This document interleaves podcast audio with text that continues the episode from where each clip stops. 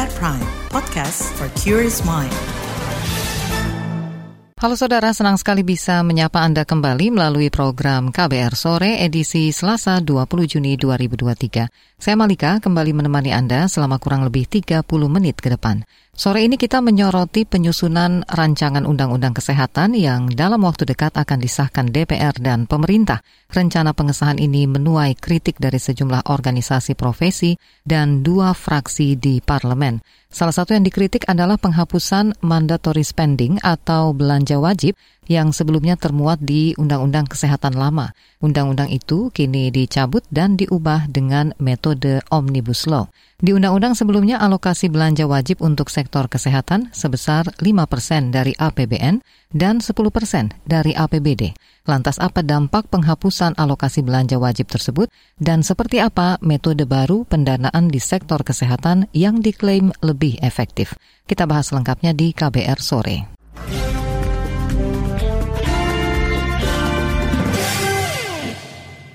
Pemerintah dan DPR menyetujui pembahasan RUU Kesehatan dilanjutkan ke rapat paripurna DPR untuk disahkan menjadi undang-undang. RUU Kesehatan itu akan disahkan menjadi inisiatif DPR dalam sidang paripurna sebelum pertengahan Juli 2024.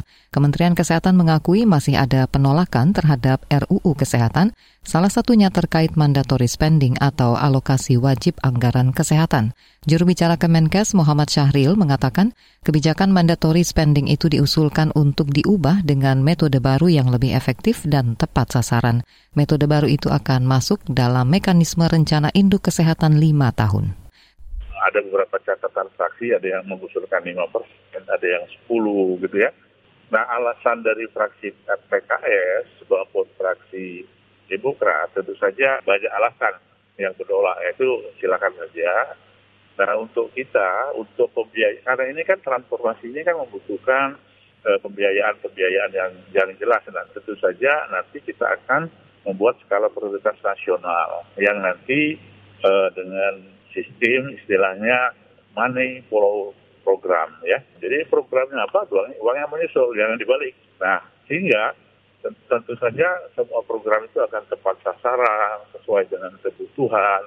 Juru bicara Kemenkes Muhammad Syahril menambahkan metode baru alokasi anggaran kesehatan ini akan dituangkan dalam peraturan presiden sebagai aturan turunan Undang-Undang Kesehatan Omnibus Law. Ya, nanti ke depan itu akan dibuat perpres tentang rencana induk pendanaan kesehatan, Mbak. Ya, kan ini kan baru RUU ya. Nah, nanti uh, turunan-turunannya ada aturan yang lain ya, termasuk mana turunan turunnya itu dapat disampaikan atau dibuat ya, yang kita sebut dengan peraturan presiden tentang rencana induk pendanaan kesehatan, Mbak. Jadi akan dibuat suatu turunan tentang perpres ya rencana induk ya rencana induk pendanaan kesehatan. Syahril menilai pro kontra dalam penyusunan suatu undang-undang merupakan bagian dari proses berdemokrasi. Pemerintah akan menghormati jika undang-undang kesehatan ini dilakukan uji formil ke Mahkamah Konstitusi. Kalau mengatakan proses ini cepat dan tidak, hmm. itu tergantung ya, siapa yang membicarakan. Tetapi prosesnya kan sudah dijawab oleh anggota DPR, mulai dari badan legislasi, kemudian dibuat RUU, proses uh, public hearing dan semuanya. Dan sudah melibatkan semua pihak, termasuk OPP. Nah untuk MK saya kira itu juga jalur kata hukum negara silakan saja sehingga adanya peninjauan kembali itu hak seseorang, hak institusi untuk dilakukan. Jadi kita kan kemarin kan pandemi tiga tahun, Mbak ya. Semua kita kita terporsir untuk ke sana, ya kan. Nah sehingga masa kepresiden masa kepemimpinan presiden lima tahun itu kan sudah habis sampai sekitar tiga tahun untuk ngurusin COVID. Nah sekarang, tapi sebetulnya transformasi lainnya sudah kita rencanakan sebelumnya, ya saya kira secara umum kita ingin adanya suatu perbaikan, adanya suatu eh, perubahan terhadap layanan yang lebih baik kan di depan, baik di layanan di hulu sampai ke hilir. Kementerian Kesehatan menegaskan usulan mekanisme rencana induk kesehatan lima tahun ke depan akan terintegrasi antara pemerintah pusat, daerah, dan badan maupun lembaga lain seperti BPJS Kesehatan yang juga memiliki dana kesehatan. Metode baru ini juga segera dikonsultasikan dengan Komisi Kesehatan DPR agar pelaksanaan program kesehatan di berbagai sektor dapat menyerap anggaran dengan maksimal. Soal ini, Kementerian Keuangan juga telah berkomitmen mendukung alokasi anggaran program kesehatan yang lebih efisien guna mencegah kebocoran anggaran. Nah, saudara, RUU Kesehatan juga mendapat penolakan dari sejumlah kalangan karena permasalahan lain. Apa saja alasan penolakan atas RUU Kesehatan? Laporan mengenai hal ini akan hadir sesaat lagi, tetaplah di KBR sore. You're listening to KBR Pride, podcast for curious mind. Enjoy!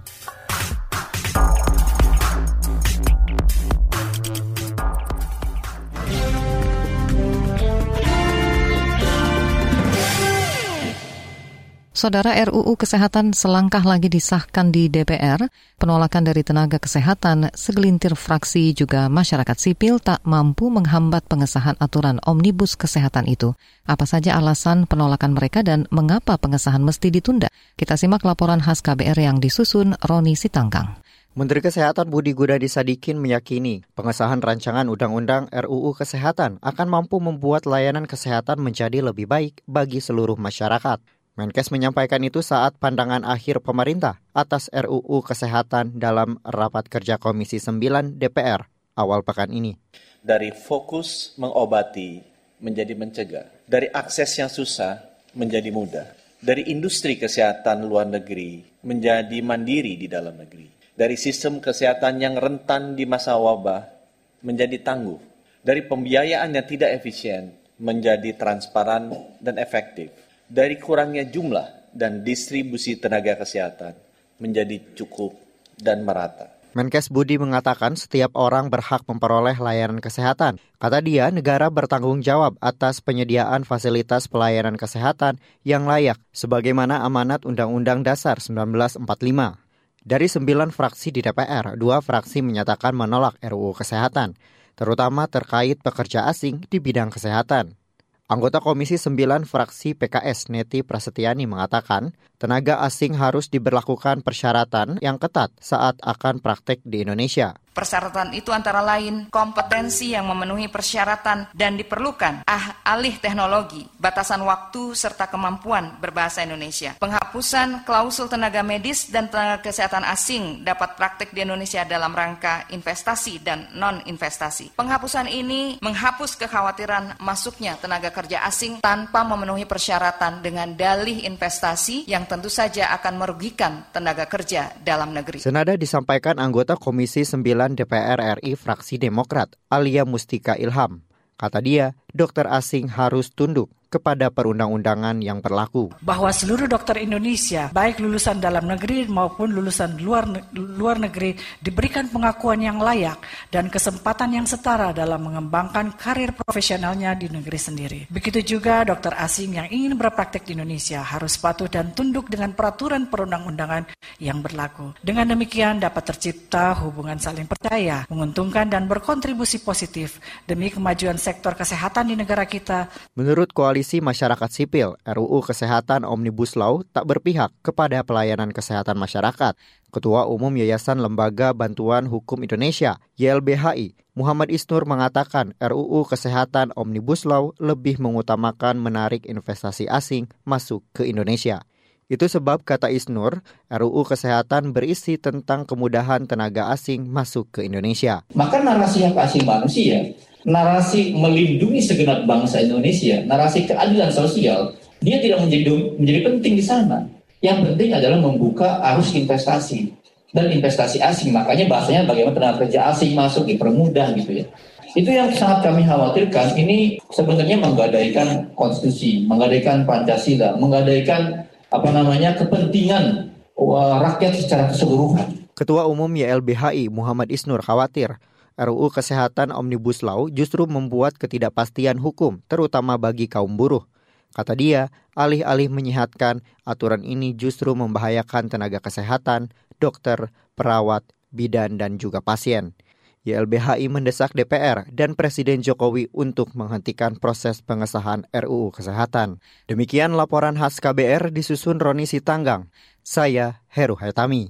Saudara kembali ke persoalan penghapusan alokasi wajib anggaran kesehatan, kalangan parlemen berbeda sikap atas kelanjutan pembahasan RUU Kesehatan. Mayoritas fraksi mendukung untuk disahkan, namun masih ada penolakan dari dua fraksi di DPR. Seperti apa pro kontranya kami hadirkan sesaat lagi, tetaplah di KBR sore. You're listening to KBR Pride, podcast for curious mind. Enjoy.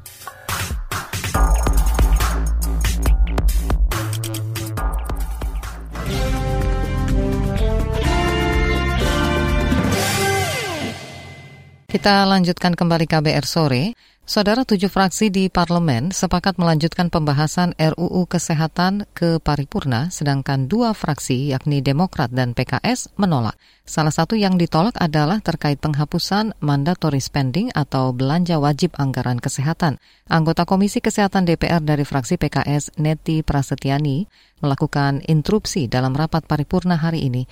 Neti beralasan alokasi anggaran kesehatan sangat penting untuk perbaikan kualitas pelayanan kesehatan. Maka yang menjadi kegundahan saya secara pribadi, ternyata pemerintah tidak menghendaki disebutnya mandatory spending dalam anggaran belanja kesehatan. Padahal ketika kita melewati masa pandemi, kita menyadari sepenuhnya tantangan pembangunan ketahanan kesehatan nasional kita amat sangat berat.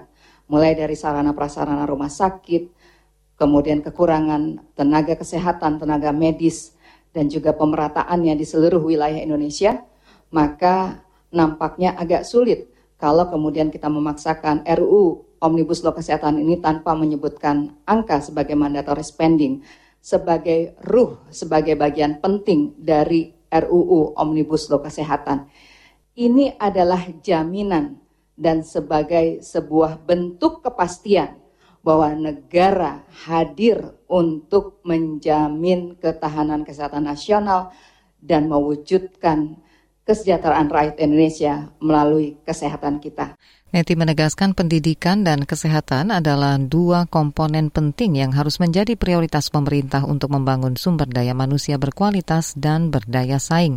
Kata Neti, dua komponen itu yang akan tetap memastikan Indonesia ada sebagai sebuah negara yang kuat di peta dunia.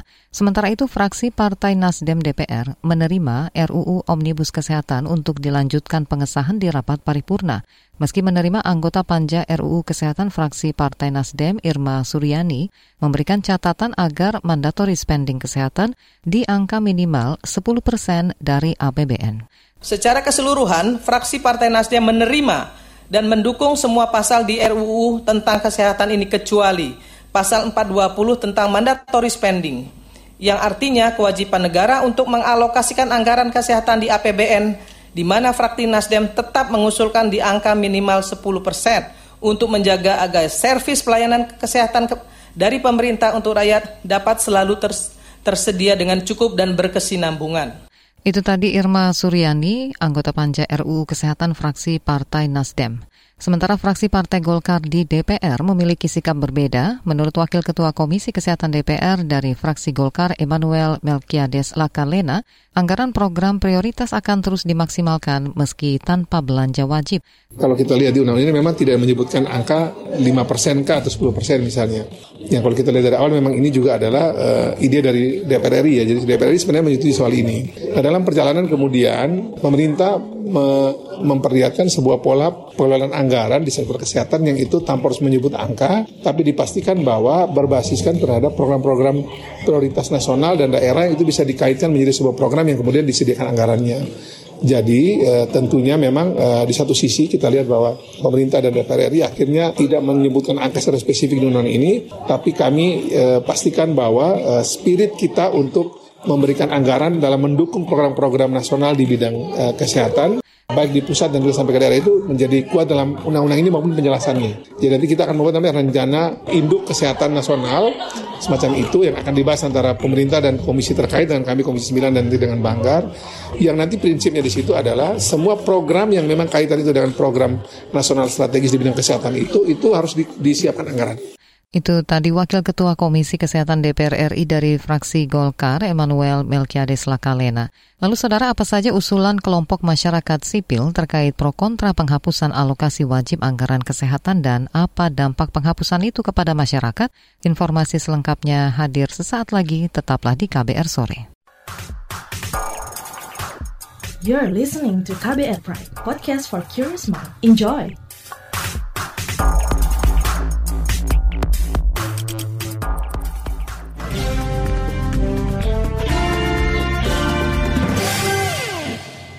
Anda masih bersama kami di KBR Sore. Kita masuk ke bagian akhir KBR Sore. Pusat Inisiatif Pembangunan Strategis Indonesia CISDI menilai RUU Kesehatan Omnibus Law masih menyisakan sejumlah catatan. Salah satunya terkait mandatory spending atau belanja wajib yang dihilangkan dari RUU yang bakal segera disahkan di paripurna.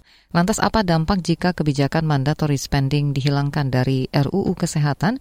Kita simak wawancara jurnalis KBR Heru Hetami bersama founder sekaligus CEO CISDI, Dia Satyani Saminarsi. Pemerintah dan DPR akan membawa rancangan undang-undang tentang kesehatan Omnibus Law ke tingkat paripurna untuk disahkan. Sebetulnya apa yang masih menjadi catatan dalam rancangan undang-undang tersebut? Terlalu banyak PR yang harus mm -hmm. dibereskan kalau sampai sudah disahkan. Pada kenyataannya masih harus dibahas kembali di dalam undang-undang turunan, nanti di peraturan turunan, mitigasi dari beberapa poin penting yang nggak tepat gitu di dalam RUU ini. Contoh yang paling mendasar adalah soal mandatory spending yang abu-abu gitu. Dan katanya akan dihapus. Kita juga belum lihat uh, naskah yang terakhir. Tidak pernah disebarkan kepada publik. Jadi itu transparansi jelas nggak diindahkan.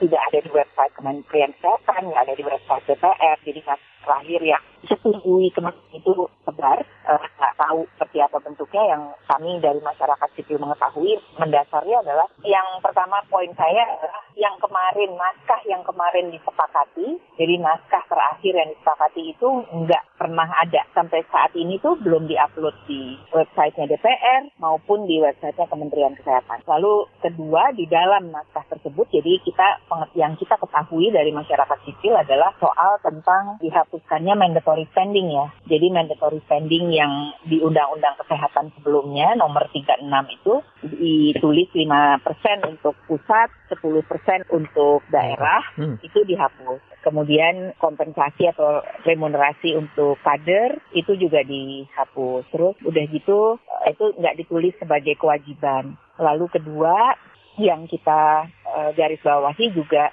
tiadanya IPS, informasi, promosi, dan sponsorship untuk rokok. Itu nggak ada aturan yang ketat soal itu. Keempat, soal integrasi layanan primer. Nah, itu yang kita garis bawahi. Apa sebetulnya dampak jika mandatory spending itu tidak ada? Karena 5% mandatory spending itu dibutuhkan untuk memastikan daerah itu mempunyai satu komitmen dan prioritas kepada kesehatan.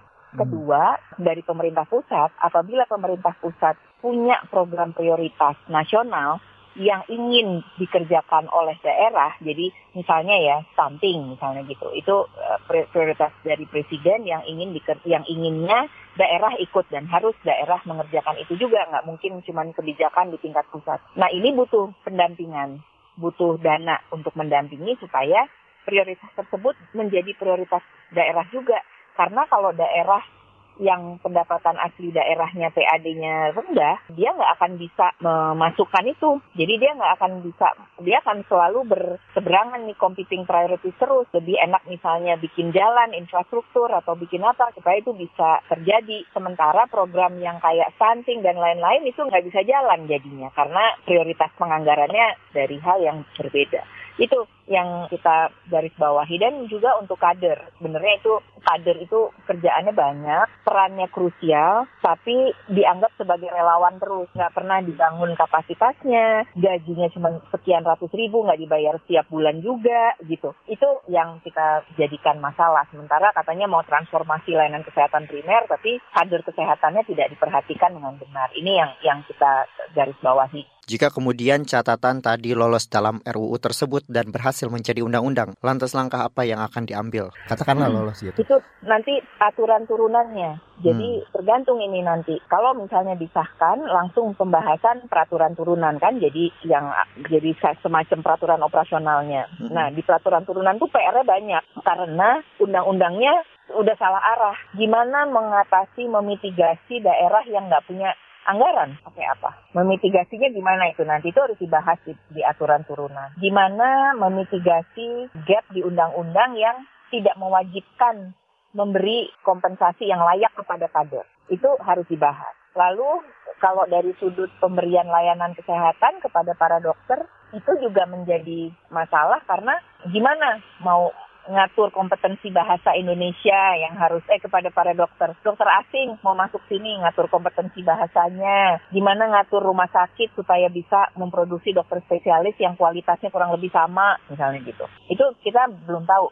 Itu yang harus diatur nanti. Oke, banyak sekali PR-nya dan problematik Baik, kalau misalnya untuk langkah JR di MK nih, apakah sudah ada rencana juga ke sana? saya nggak tahu persis apakah sudah rencana. Menurut saya itu langkah yang sangat logis Hmm. kalau diambil ke sana. Semoga ada langkah itu. Tentu konsekuensinya ya selalu bisa ada perpu ya untuk Hmm. itu kalau memang mau diperpukan tapi terus masuk ke MK ya jalur hukumnya. Saudara itu tadi perbincangan Heru Hetami dengan founder sekaligus CEO CISDI, Dia Satyani Saminarsi. Sementara itu ribuan tenaga medis dan kesehatan yang tergabung dalam lima organisasi profesi kesehatan yakni Ikatan Dokter Indonesia IDI, Persatuan Dokter Gigi Indonesia PDGI, Persatuan Perawat Nasional Indonesia PPNI, Ikatan Bidan Indonesia IBI, Ikatan Apoteker Indonesia serta banyak forum tenaga kesehatan dan masyarakat kesehatan melaksanakan aksi di gedung DPR MPR Jakarta. Tuntutannya adalah agar DPR menghentikan pembahasan RUU Kesehatan Omnibus Law.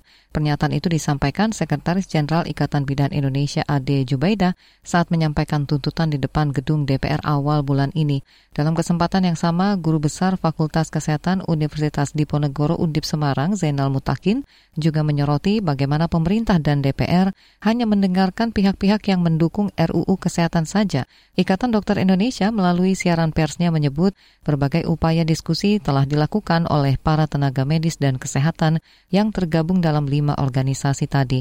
Namun pemerintah tetap bersikeras bahwa RUU Kesehatan ini harus diketok palu, padahal para tenaga medis dan kesehatan melalui lima lembaga tadi telah memberikan masukan untuk penanganan masalah kesehatan yang ada dan mendatang tidak perlu membuat undang-undang baru. Informasi tadi menutup jumpa kita di KBR Sore edisi Selasa 20 Juni 2023. Pantau selalu informasi terbaru melalui situs kbr.id, Twitter kami di akun @beritaKBR, serta podcast di alamat kbrprime.id. Saya Malika bersama tim yang bertugas undur diri, salam.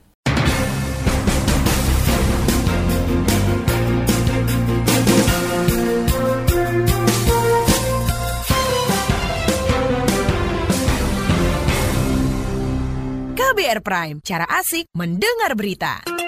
KBR Prime, podcast for curious mind.